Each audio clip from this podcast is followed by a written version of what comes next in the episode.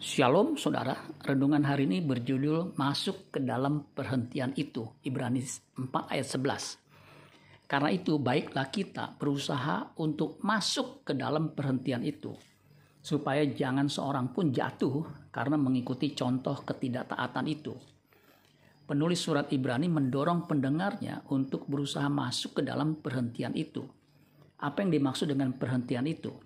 Jika kita lihat konteksnya, Perhentian itu menunjuk kepada perhentian di mana Allah berhenti pada hari ketujuh atau hari sabat.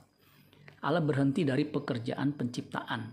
Selain menunjuk kepada sabat, perhentian itu juga menunjuk kepada suatu tempat di mana bangsa Israel tiba di tanah perjanjian.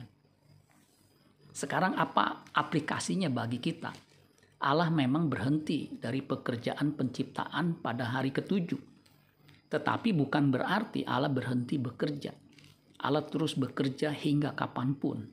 Yohanes 5 ayat 17. Tetapi ia berkata kepada mereka, Bapakku bekerja sampai sekarang, maka aku pun bekerja juga. Orang percaya pun harus terus berusaha dan bekerja sampai kapan pun. Apa yang dikerjakan orang percaya?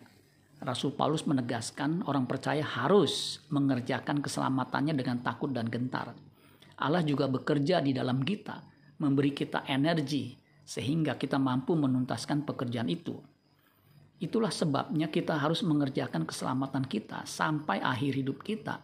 Sehingga akhirnya kita bisa masuk ke dalam perhentiannya yang abadi, yaitu di langit baru dan bumi yang baru.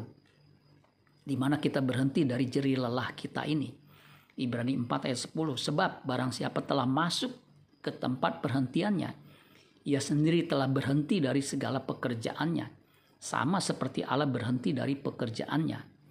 Setelah kita masuk ke tempat perhentian abadi kita, kita boleh berhenti bekerja dan boleh beristirahat dari jerih dari segala jerih lelah kita. Wahyu 14 ayat 13. Dan aku mendengar suara dari sorga berkata, tuliskan, berbahagialah orang-orang mati yang mati dalam Tuhan sejak sekarang ini.